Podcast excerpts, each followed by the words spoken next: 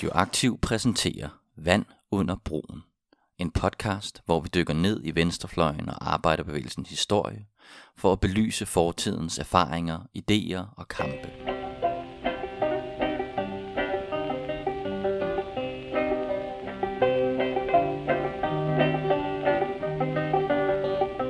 Ja, goddag og velkommen tilbage til Vand under broen. Øh, det her det er tredje afsnit. Mit navn det er Janus Rønbak. Jeg er som bekendt øh, uddannet historiker, og øh, i dag der er det ikke Jonas, der er med mig i studiet. Han er i Italien, nede og få lidt varme på kroppen, men til gengæld så har jeg Jeppe Rode hedder jeg, og jeg øh, har været aktiv på Venstrefløjen siden øh, år 2000, så det er lidt over halvdelen af mit øh, liv. Jeg er søn af en øh, VS'er og en SF'er, og har nørdet ret meget Venstrefløjs historie. Yes. Som sagt, så er det her vores øh, tredje afsnit i vores følgetong om 60'erne og 70'erne, øh, og hvordan venstrefløjen var dengang. I første afsnit, der snakkede vi med Preben Wilhelm, som var medstifter af både VS, øh, men også SF, som var det, vi snakkede om. Og vi kom ligesom ind på SF's grundlæggelse og årsagerne hertil, den konflikt, der var med omkring Axel Larsen i brudet med DKP. I andet afsnit, der snakkede vi så med børneforsker og tidligere folketingsmedlem fra SF, og også VS, øh, Erik Sisgaard. Øhm, her talte vi om SF i 60'erne frem til brudet i øh, 67, hvor VS så opstår. I dag der har vi så besøg af Hanne Reintoft. Øh, Hanne er uddannet socialrådgiver, forfatter til mange bøger, redaktør og forhenværende folketingsmedlem for SF og DKP, og sad desuden i øh, VS' bestyrelse lige omkring stiftelsen øh, i øh, 67 til 68 kort. I dag skal vi så prøve at dykke lidt ned i begivenhederne omkring VS stiftelse. Og jeg vil så starte med at byde velkommen til dig, Hanne, og sige tak, fordi du vil medvirke. Det vil jeg gerne. Før vi kommer øh, helt ned til, til sagen omkring øh, VS' stiftelse, så vil jeg lige prøve at skrue øh, tiden lidt tilbage. Vi har jo valgt i det her program at gå direkte til kilderne, altså de mennesker, som faktisk øh, var med dengang, og ikke øh, snakke med diverse historikere. Så derfor vil jeg prøve lidt at vende tilbage til, for at få en fornemmelse af, hvem, hvem du er. Så vil vi vende tilbage til 1959, hvor du blev politisk, altså 59, hvor du blev politisk aktiv i SF. Hvad fik dig til at at melde dig ind i SF, og hvilken drivkraft bunder dit øh, politiske engagement i? Jeg kommer egentlig fra et, et godt, men borgerligt hjem. Men jeg blev jo ung socialrådgiver, jeg blev socialrådgiver temmelig ung, 23 år gammel. Og der kom jeg jo til at se ind i, hvordan befolkningen levede, som jeg slet ikke havde fået at vide i mit hjem, under ganske forfærdelige vilkår. Og jeg kom jo også ind i den gamle møderhjælp og sad der og tvang forfærdelige 16-årige piger til at få ødelagt deres liv med deres graviditet. Og jeg husker så tydeligt en sølle øh, mor, øh, gift med en arbejdsløs, syvende baggård i Nansensgade, lokum i gården, og hun- hende måtte vi tvinge til at få det tredje barn, 22 år gammel. Og jeg blev så rystet over vilkårene. Og så begyndte jeg jo at læse og undersøge det, og, og, og danne mig mine meninger, og indså, at politik var også spændende, fordi der kunne man, det er jo det eneste sted, man kunne prøve at ændre på de ting. Det kunne man jo ikke som en engageret ung socialrådgiver i, i, i møderhjælpen. Så der begyndte jeg at interessere mig for selve det at være med i udøve politik. Og det blev accepteret hjemme, der især min far, som altid har lært mig, at man skal have sine meningsmål. Og hvad, hvad, så, hvad fik dig så til lige at, at vælge SF? Ja, det SF tidspunkt? var jo temmelig nydannet, for det var i 59, jeg stemte på det første gang. Og så netop ud fra det med at have meningernes mod, og så er også den hederlighed, jeg meget gerne vil have, man skal have, så tænkte jeg, hvis du kan stemme på det, så kan du også melde dig ind. Og det gjorde jeg så. Og der var Axel Larsen jo en snu gammel rev. Jeg tror, det hele handlede om en af hans evindelige intriger. For vi skulle have folketingsvalg og, øh, øh, noget senere, og han afskyede Pia Dam, dejlige kvinde, som var opstillet i køgekredsen, og der fik han så idé, at hvis han fandt en nogenlunde ung og veludseende socialrådgiver og stillede op i Ballerup-kredsen, så ville vi nok splitte hinandens stemmer. Det, var- det var vist taktikken. Okay. Men det lykkedes jo altså ikke, for vi blev valgt begge to. Mm-hmm. Men jeg meldte mig ind, og så var SF dy- et dygtigt ung parti dengang. Det tænker jeg ikke på på den måde. Men der var jo stor entusiasme og meget flid og meget... Og inden jeg så mig om, uden jeg egentlig havde bedt om det, så sad jeg i kvindeudvalg og i socialudvalget og alt muligt. Jeg blev inddraget i partiarbejdet. Meget dygtigt. Og nød det og tog det på mig og, og blev virkelig optaget af det. Ja. Så synes jeg, vi skal springe lidt frem igen øhm, til tiden op til brudet i SF og, øh, og VS' stiftelse. Vi kom ind på det i noget, noget af det i vores interview med Erik Sisgaard, men øh, tænkte også, at vi vil have øh, din vinkel på det. Hvilken konflikt bundet brodet i SFI, og hvordan oplevede du begivenhederne op til brudet? Ja, nu du siger du, du er historiker, og så vil du også kunne forstå det historisk, og det havde vi egentlig ikke rigtig begreb om eller forstand på dengang. For vi var jo sådan unge, og nu skulle vi altså, nu har vi fået indflydelse, og nu skulle vi i gang med alt det her. Og så kom vi jo ind med nogle gamle mænd, som øh, som vi egentlig beundrede, dengang beundrede vi Axel Larsen, og det har jeg selv øh, sammen også med min far, som slet ikke var rød, og nyt når han kom til øh, i radioen og sådan noget, for han var en dygtig politiker, det var han, han kunne forklare tingene. Men det, vi var slet ikke klar over, at vi intet skulle have, skulle have sagt, at vi blev betragtet som nogle unge, der fik lov at være med, og der faktisk var totalt mandsherredømme og gammelmandsherredømme i det. Vi fik ordre på, hvad vi måtte med det, simpelthen. Og det chokerede os lidt, men ikke mere end at det lå i os allerede dengang. Det var jo heller ikke så længe, før vi virkelig fik ungdomsoprør. Det lå faktisk i os, at det ville vi ikke finde os i. Så vi begyndte at opponere temmelig hurtigt. Så var der også en, en, en konkret øh, konflikt i forhold til Socialdemokraterne. Kan du komme lidt ind, til, ind på det i forhold til dyrtidsportionen for eksempel? Altså, der var ja, en, men det er så en, en større historie, fordi ja nu har der jo været konflikt mellem venstrefløjen og Socialdemokratiet i hele arbejderbevægelsens historie. Ja. Og hvad der er spildt af kræfter og forpasset af muligheder i den forbindelse, det, det kunne der skrives mange historiske værker om. Ja. Men den konflikt var der jo. Da vi så fik det arbejderflertal, der troede Axel Larsen, og det undrer mig, det undrer mig dengang, og det undrer mig nu, han troede faktisk på, at sådan en socialdemokratisk regering med støtte fra et rødt arbejderparti, at det kunne samarbejde.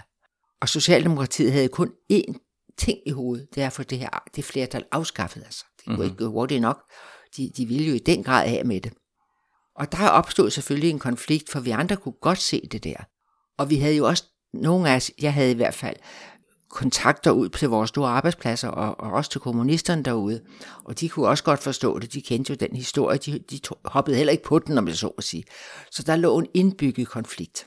Og man blev kaldt op til, til formanden, man blev kaldt op til Axel Larsen til skideballe. Det var jeg to gange ind til, at sagde, nu vil jeg ikke komme mere. Og der startede han jo altid med at sige, at jeg skulle gøre, som han sagde, men nu havde jeg fået lov at stille det forslag om fri abort, som han øvrigt var meget imod, og så havde jeg intet andet at skulle have sagt. Jeg måtte koncentrere mig om det, og så havde jeg stemt, som han sagde. Hmm. Og så kom den sædvanlige, hvis ikke du gør det, så bliver du ikke genopstillet. Første gang sagde han, ved du hvad Axel, det kan du ikke tro mig med, for jeg elsker mit job som ledende socialrådgiver på Glostrup sygehus, og jeg vil gerne derud igen. Og da jeg så anden gang blev kaldt op, der ville han decideret forbyde mig et lovforslag, jeg ville stille. Og der gik jeg bare min vej og sagde, Axel, nu kommer jeg ikke mere. Men han kunne slet ikke, det vil jeg sige, da jeg på sin vis undskylder ham, for jeg har også læst lidt i DKP's historie, og de var vant til denne enrådighed, og de almindelige medlemmer, og også de underordnede folketingsmedlemmer, de havde for så vidt ikke noget som helst skulle have sagt. Men så skal jeg sige... Det er noget, Axel Larsen har taget med fra DKP simpelthen. Ja, for, ja, for så vidt. Men det galt sandelig også andre partier. Jeg har nede i Folketingssalen set Hilma Bavnsgaard overfuse en meget dygtig og meget tiltalende øh, kvinde. Hun var statsautoriseret revisor i 50'erne, og hun havde også modsagt ham, og hun blev også overfuset. Overfuset nede i salen. Så de der partiledere troede, de kunne tage sig sådan dengang. Det skal du forstå. For Axel Larsen var slem, men det, det var almindeligt. Og det er ikke så længe siden, jeg har en gammel socialdemokratisk ven, han er tro socialdemokrat, selvom han græder lidt over dem. Men han sagde jo om Tornings regering, den socialdemokratiske folketingsgruppe bliver ledet med terror. Så vi er ikke mm. længere. Da Rasmus Prehn havde en kronik i politikken, så mistede han sin ordførerskaber dagen efter. Ikke? Så vi er ikke ude af det her. Det skal du ikke tro. Mm-hmm. Nej det, det er interessant, at du også nævner det der med, at, at, at I ikke troede på på venstrefløjen og, og kommunisterne og så videre, ikke troede på det her med, at, Nej, øh, så at Socialdemokraterne rent faktisk ønskede at samarbejde ja. omkring arbejderflertallet. Nu har jeg læst i, i en bog, som jeg kan anbefale, øh, hvis man er mere interesseret omkring emnet, der hedder Fra sandkasse til kadreparti ja. øh, om, om VS, hvor de netop øh, kommer ind på, øh, hvordan at, at det faktisk var en, en taktik for øh, Socialdemokraterne at ligesom suge SF til sig og prøve at ja, ja, det var stille, stille forslag, som ja, ja, kunne bryde, det var mening. Det var mening. Øh, som kunne splitte SF. Jamen, jeg var jo selv med op og forhandle mm-hmm. krav, da vi væltede det. Det skal jeg nok forklare dig, for det mm. synes jeg nok er vigtigt. Men, det er også var interessant da i forhold taktik. til SF i dag, i dag altså omkring øh, med Torning-regeringen, som, hvor det netop også førte til øh, enorme konflikter internt i SF. Nu der skulle de jo prøve igen, ikke? Ja. Det er ligesom, de ikke kan lære det, for de vil ikke Socialdemokratiet. Mm, De vil arbejde til højre, og det går jo også særdeles stærkt ja. og hurtigt nu, ikke? jo. Ja, det er igen en misforståelse. Mm. Ja. Udover spørgsmålet om øh, mandsjuvenisme og, øh, og demokrati, øh, vil du så også sige, at der var nogle politiske forskelle øh, mellem øh, kredsen omkring Axel Larsen og jeg unge? Kan man sige, at, at Ja, det han var var der. mere midtersøgende, eller hvad tænker du? Han var mere midtersynet. Han troede, som sagt, og det er egentlig mærkeligt, for han var en begavet politiker. Og han troede på det der med, med landets første arbejderflertal. og Det var helt sat op med øh, roser og, og girlander. Og, og, og, og det var også forfærdeligt for ham, at det brød. Og han kunne faktisk ikke indse, hvad en stor del af befolkningen kunne, at det var jo Socialdemokratiet, der ville af med det flertal. Øhm, men der var så den her øh, dyrtidsportion, som Socialdemokraterne ønskede at... Der var mange ting, og det må Ja. du huske hele det. For det første gik vi meget klart til valg mod momsen. Mm-hmm. Og det var det første, vi skulle tvinges til at stemme for momsen. Og jeg skændtes frygtelig med Axel om det, så vi har gået. Socialdemokraterne vil have til at sænke momsen, eller hvad? Nej, vi indføre den altså. Altså indføre den, ja. Det var vi gået til valg imod. Okay. Og så siger Axel, øh, man må sige, det er hjælpeløst. Jamen, det er en anden slags moms, men det var nøjagtigt mm. det samme. Mm-hmm. Og det blev vi tvunget til. Det blev, og så kom der noget med korndogene, vi blev tvunget til, som også var mod vor- vores valgkamp. Og det var så for os unge dengang, og det skal ikke lægges os til last, der var det øh, meget provokerende at stemme imod det, man havde stået på landets talerstol rundt om i land og sagt var vores politik. Og jeg var jo også oppe i Folketingets sekretariat, for jeg altid fik god støtte af de jurister, der sad der. Og, og man havde jo ifølge grundloven ret til at stemme efter sin overbevisning. Det har vi stadigvæk. Det glemmer de også nu. Alle stemmer efter, hvad partibossen siger. Ikke? Men man har jo i medfør af grundloven ret til at stemme efter sin overbevisning. Og det henholdt jeg mig efterhånden stedet til. Og så kom konflikten, fordi der sker også noget menneskeligt eller psykisk, kald det hvad du vil. Men da de så kom med, med dyrtidspersionerne, så og der, der havde jeg henvendelser fra folk ude på arbejdspladserne, som jeg lidt i modsætning til de andre allerede dengang havde fået kontakt med. Og, og der tænkte jeg, nu, der, der nåede jeg min grænse for, hvor mange gange jeg kunne bryde mine egne ord. Mm-hmm. Og den når man jo forskellige tidspunkter. Kan du kort forklare til vores lyttere, øh, hvad dyrtidsportionen er? Ja, det var jo en automatisk regulering af pris. Vi havde et pristal dengang. Ja. Og det kom, da vi havde øh, meget store prisstigninger efter krigen og rationering af varer og alt det der. Og så fik man lavet sådan en dyrtidsregulering, så der var tilskud til varerne, så man kunne holde nogenlunde faste priser. Og det var helt klart et, en, en lovgivning, der var til gavn for de almindelige stillede, den almindelige arbejderløn og alt det der, fordi det lettede på disse uhyrlige prisstigninger og prishop. Så det var et overgreb på klassen, hvis jeg må bruge et gammeldags udtryk. Og der sagde jeg så nej, og det gjorde de andre også, og det var så Pia Dam, og øh, han er død Ja, hvem, hvem var det? Ja, det var Bjørn Larsen, tror jeg, han hed, nede fra Slagelse, en skolelærer. Og så var det en, en meget dejlig mand, også skolelærer fra Esbjerg, han er død nu. Han hed Rasmussen, et eller andet, Svend Rasmussen, eller ja. Og så var det Kai Molke, og Pia Dam, og Erik Sisgaard, og undertegnet. Og Preben William, eller hvad? Han var ikke i Folketinget. Det kom han først senere med VS. Ja, men han øh, havde og ville gerne have rollen som grå eminence i hele processen. Ja. Var- Han, han var også klog jo, så han var udmærket her med. Hvad, hvad skete der så helt præcist her i, i grupperummet på Christiansborg? Nu er vi i, i december i, Ja, der ha- i der havde vi- 1967, hvor Ja. I så beslutter, at I ikke vil stemme for den her dyrtidsportion. der er der meget vrede og, og, og, og, og dyb raseri over, at vi ikke gør som, som øh, Axel og hans støtter, Morten Lange og ham der, den meget forræderiske øh, kædesmed op for Helsingør og Krog, Krog Larsen, og ham, og Krog Hansen, tror jeg han hed. Men han blev jo købt af, altså Axel kunne også det der. Han, han blev købt med det samme. Han var øh, tillidsmand deroppe på, på Helsingør Værft, og, og der, så blev han inviteret med. Han var fuldstændig imponeret over, at han havde spist morgenmad på øh, Fredensborg Kro der sammen med Per Hækkerup og ministeren og sådan noget. Han blev købt, og det, det har vi, vi jo også set gennem al vores historie. Det kender du også selv til. Han blev så imponeret af sig selv.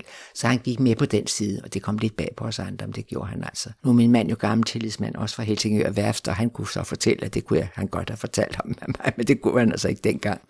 Men vi var altså splittet i den, så der var en meget dårlig stemning.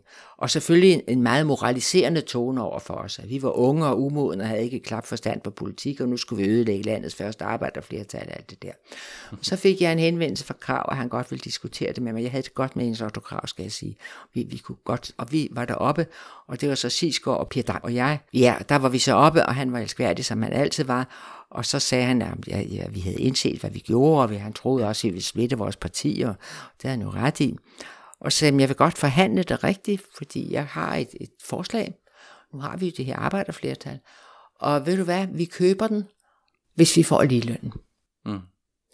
Så sagde han, du er begavet, Hanne, og det, det, det er et godt forslag, men jeg kan ikke. Og ved du hvad, der har du dem, de ville ikke. Det var et godt forslag. Mm. Vi reddede regeringen, hvis de ville tage ligelønnen. Men du er klar til at sælge reallønnen for at få ligeløn? Ja, ja dyrtidsregulering for at få ligeløn for ja. kvinderne, ja, det var ved Gud et økonomisk øh, gevinst. Okay. Men han, han, han sagde også, han roste mig for det, men, men de ville ikke, de ville have den regering væltet, forstår du. Mm. Ja. Mm. Okay, så det var faktisk det, det, det, det var var det, de bevidst ville. selvmord fra Det, var øh, bevi- det, det står jeg inde for 100%. Det var bevidst, de ville af med det der. Mm. Sådan. Ja. Og det kom de så. Hvorfor ville han så overhovedet have et møde med dig? Ja, det må du ikke spørge ham om. Nu er han død, du kan ikke spørge mm, ham. Men det ville han altså. Og det Pia og Erik var med. Var med. Ja. Men, men vi kæmpede altså for det. Mm. For så vidt lojalt mod partiet. Men det, det, for, det foregår altså på et gruppemøde i... Øh, Nej, det foregik op på Kravs kontor. nej, men jeg tænker selve bruddet, så at sige... Øh, det, Så hvor, hvor I så sætter jer ned og beslutter, nu bryder vi op og vil, og vil lave Nej, altså sådan foregik det ikke. Så, så væltede vi den regering, og mm-hmm. jeg kan tydeligt huske dagen. Det tror pokker. For jeg kan huske, at Bavnsgaard, Hilmar Bavnsgaard, han kom hen til mig og sagde, I tør sgu ikke, sagde han. I tør sgu ikke. Nå, mm-hmm. vent nu lidt at se. Og det gjorde vi så, men der gik jo også helt gys gennem salen, det må du huske. For de andre partier brød sig faktisk heller ikke om den tendens, at seks unge medlemmer tog at stemme nej til ledelsen. Mm. Det brød de seks spor om. Nej.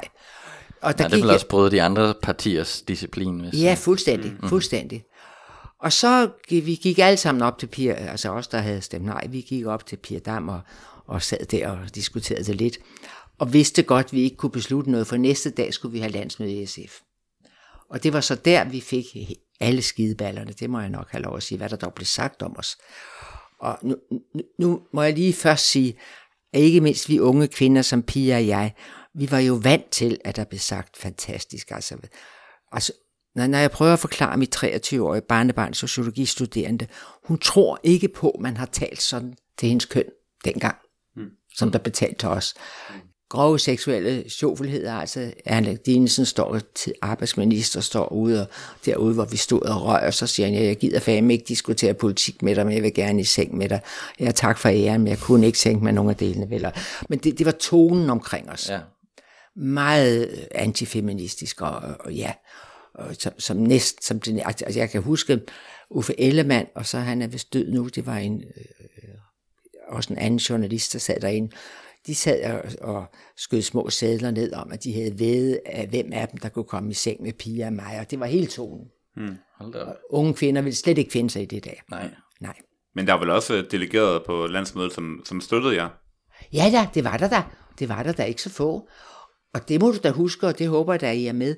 Fordi SF's hovedbestyrelse var jo enige med os. Nå. Det var folk, Folketingsgruppen, der, der enes, ensidigt vedtog, at det skulle være sådan.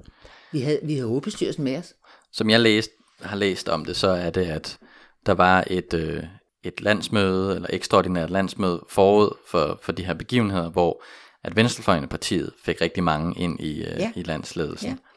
Men samtidig så var Folketingsgruppen domineret af Axel Larsen fløjen, Fuldstændig. og der var så en konflikt derimellem, hvor Ja, det passede ham selvfølgelig. Folketingsgruppen ligesom løsrev sig meget Ja, ja. fra.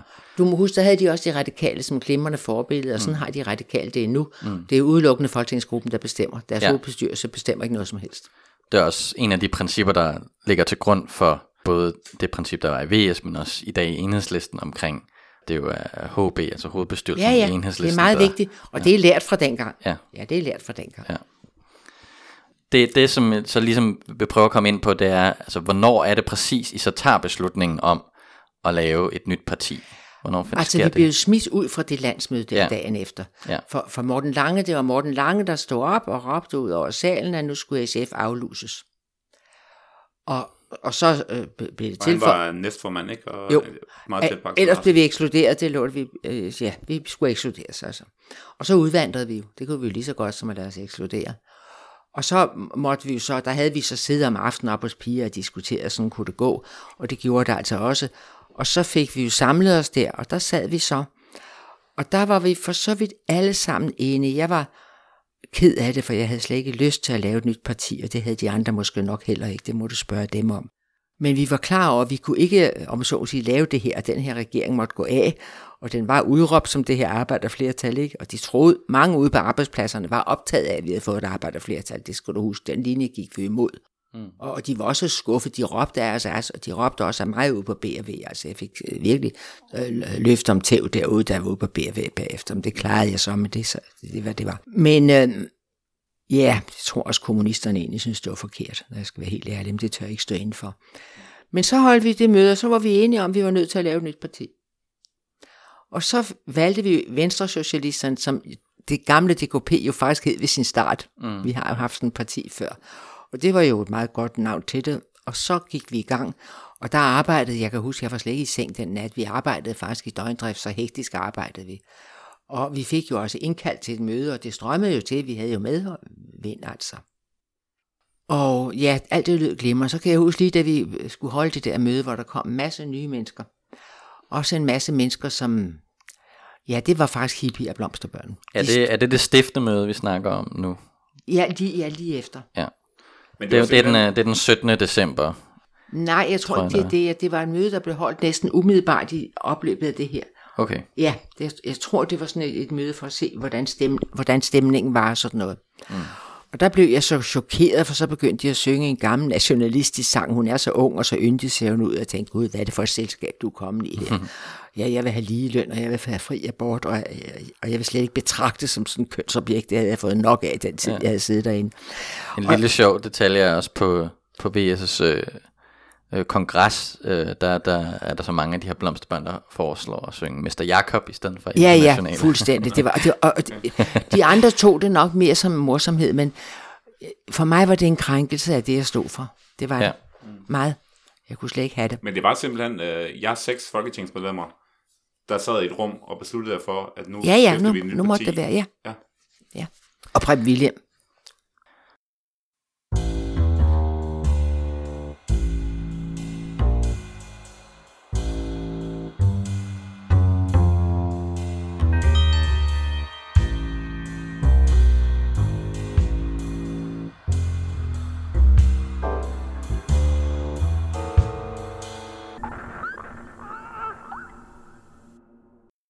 Så er der så et, øh, et stiftende møde, hvor der dukker mange mennesker op øh, i december, og så er der en efterfølgende valgkamp. Ja.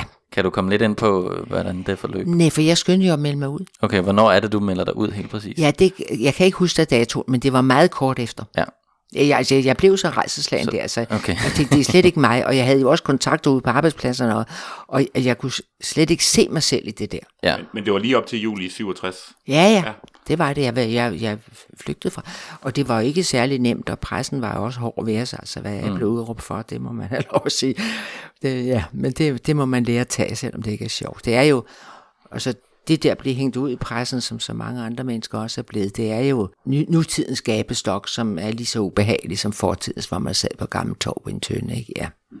Kan du så komme øh, lidt ind på, nu, nu var du så, som jeg forstår det, løsgænger i nogle år her efter. ja, Kai Molke gik jo med mig, vi var øh, sammen. Vi var begge to løsgængere. Jamen, Kai Molke her, han, Kai Molke var egentlig fortvivlet over, at han i sin tid var ekskluderet DKP. Og, øh, og blev meget såret over, da de mange år senere godt ville have mig, men ikke ham. Og det, det er lige meget med jeres historie. Men, men vi, var, vi, vi havde det fint, Kai Molke. Han var en klog gammel mand. Vi havde det fint, og vi var helt enige. Så vi var to. Men, men kan du øh, uddybe det her med, hvorfor du øh, først var med til at stifte VS, og så forlod øh, projektet få dage efter? Ja, men så har du ikke forstået det rigtigt, fordi så skal jeg prøve at forklare mig tydeligere. Vi sad der med besked om, at vi skulle ekskluderes og afluses og alt det der. Og vi følte alle sammen, at vi kunne ikke, altså for så vidt få en regering til at gå, vi vælte. de, de ville jo selv væltes, det har jeg forklaret tydeligt. Men vi kunne ikke sidde det der og så bare sige, nu går vi hjem til kødgryderen. Det kunne man ikke. Man er nødt til at følge op på sine egne politiske handlinger. Og jeg tror, vi hver for sig med hver vores tankegang havde det der, vi var nødt til at stifte noget nyt. Så, så det var jeg for så vidt med til, fordi jeg mente, at man måtte, vi var også valgt, ikke? Og jeg har altid haft det sådan, at jeg synes, det er en, det er en ære, at folk stemmer på en, og man skal leve op til det, og, og så videre. Så, så det var ud fra de der ting, så vi må prøve det her. Men som jeg siger til dig, lige så snart jeg så, at de begyndte at synge det der, så tænkte jeg, hvad er det for et sted, du er kommet her, for her hører du ikke til. Det, det er galt, det går galt, for det er ikke det, du kan og vil. Øh, og, og så, så derfor blev det en meget hurtig beslutning, som jeg blev støttet af gode tillidsmænd ude på arbejdspladserne i. Nu følger du så, så uh, her øh, VS lidt på, på sidelinjen. Uh, ja, det gør jeg meget. Um, kan du så komme ind på, hvilke grupperinger der var? Hvad var det for nogle grupperinger, der gik ind? Og... Nej, det kan jeg faktisk ikke forklare dig på, for ja. jeg har ikke deltaget.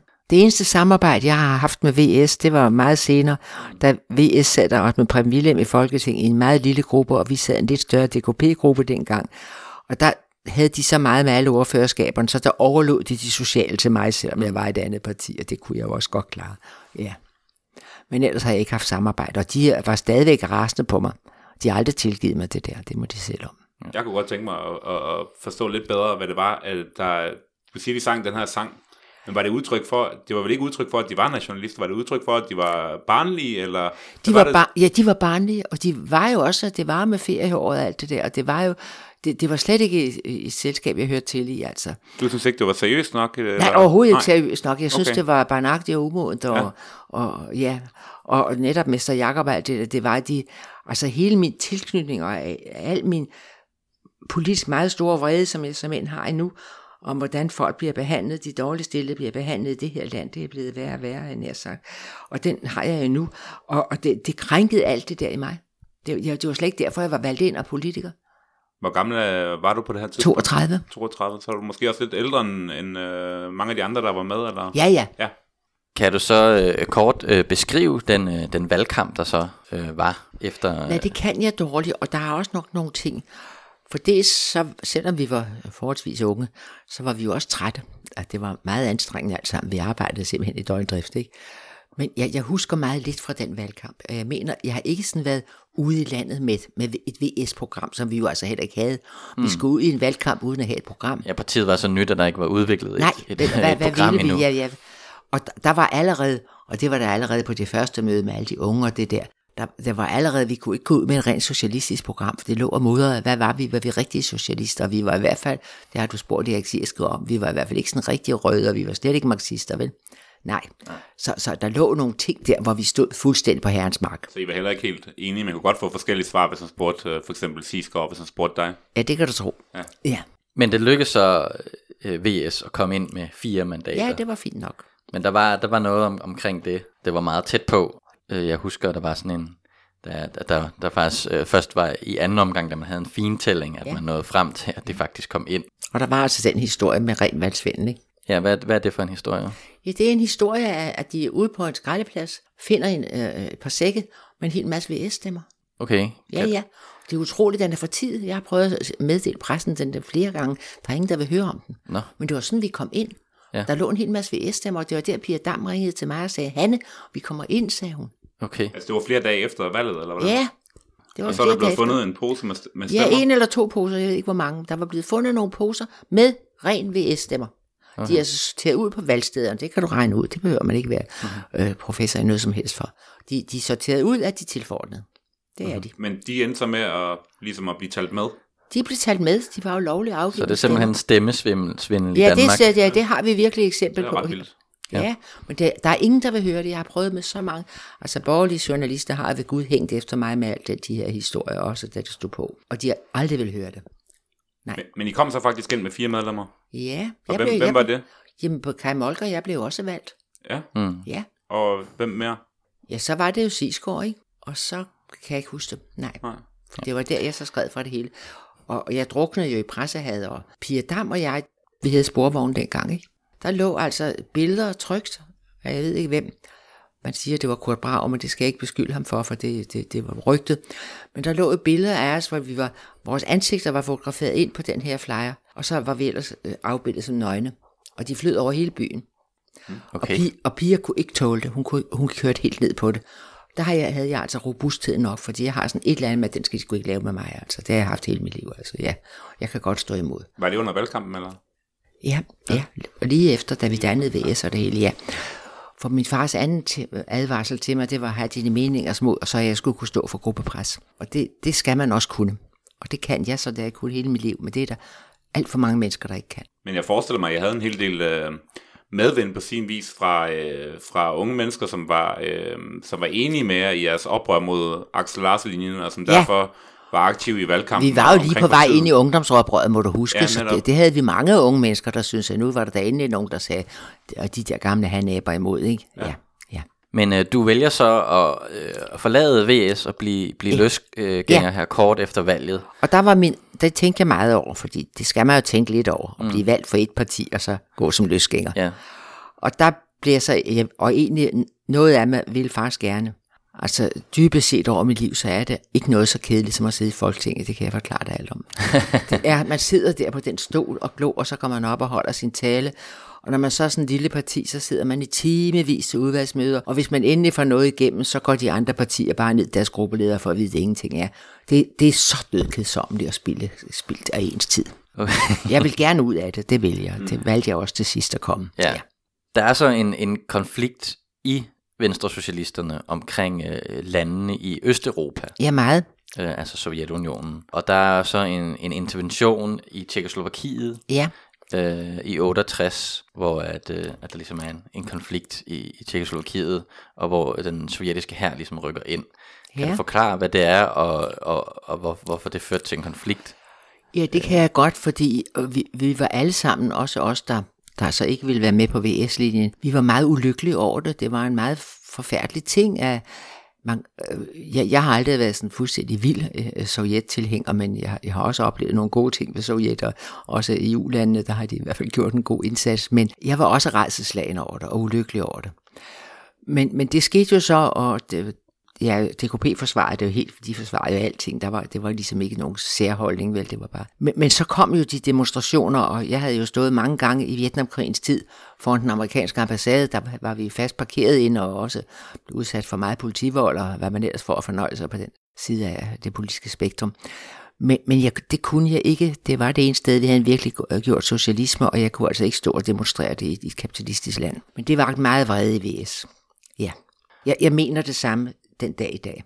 Det er blandt andet den konflikt, der førte til, det er der nogen, der siger, at du forlod øh, VS, men der er så også det med de her blomsterbørn. Kan du Ja, ja. beskrive lidt mere? Jamen, jeg synes simpelthen ikke, jeg hørte til dig. Og så havde jeg jo altså også, der var jeg, jeg helt det er dumt udtryk, jeg havde selv arbejdet for det, men jeg havde jo også kontakter ude på vores arbejdspladser, ikke mindst med de røde tillidsfolk, altså, og havde møder med dem og sådan noget. Så, så, og det, jeg var da også påvirket af dem og var enig ja. med dem i deres holdninger.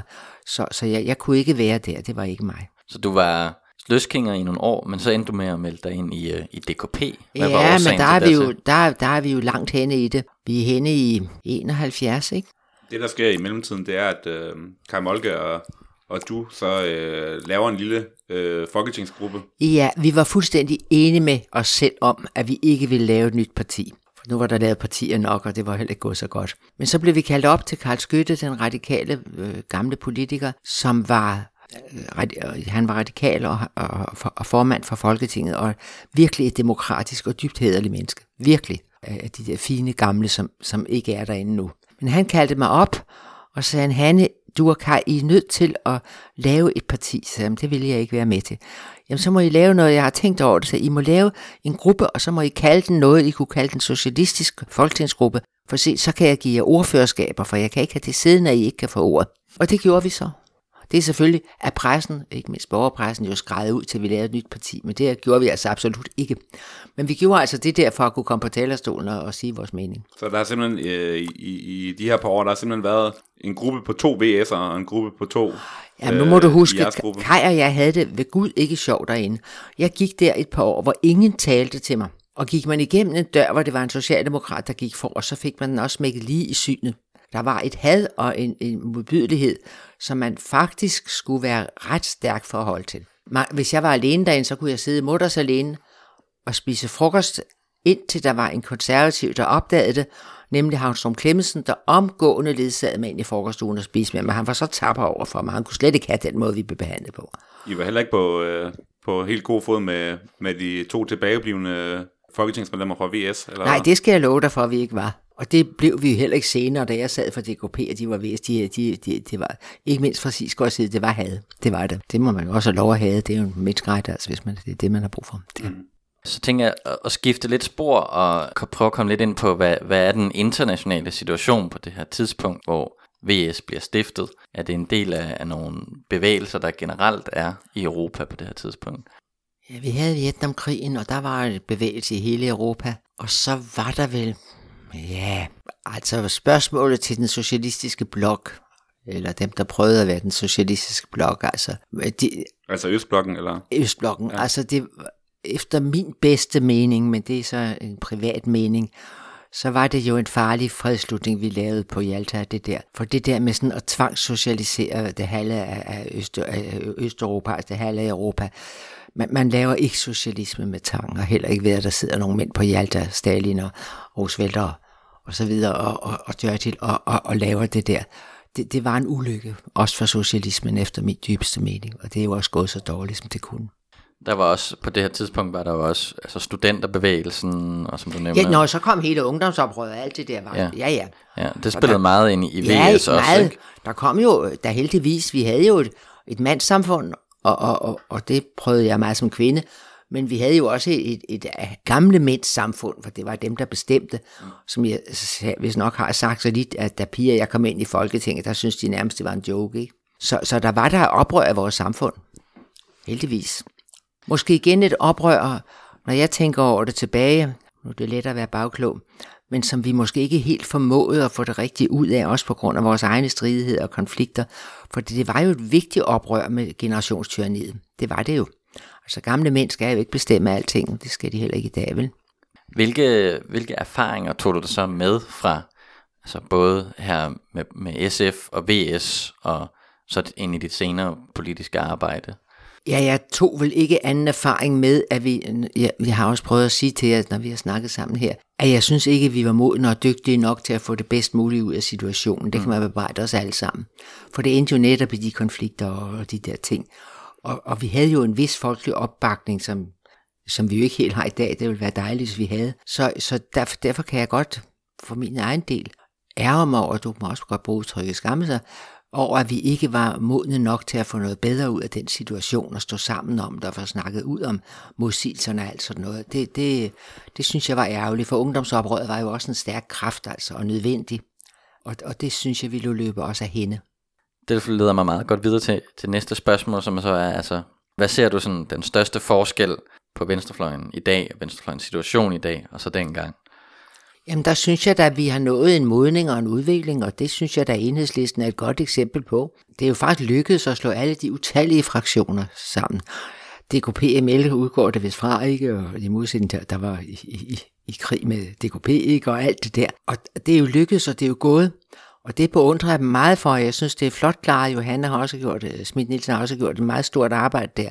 Så det synes jeg, der synes jeg da, at den generation, der kom efter os, har fået lært noget af vores, skal vi sige, bidre erfaringer med, med alle de konflikter. Ja, det synes jeg.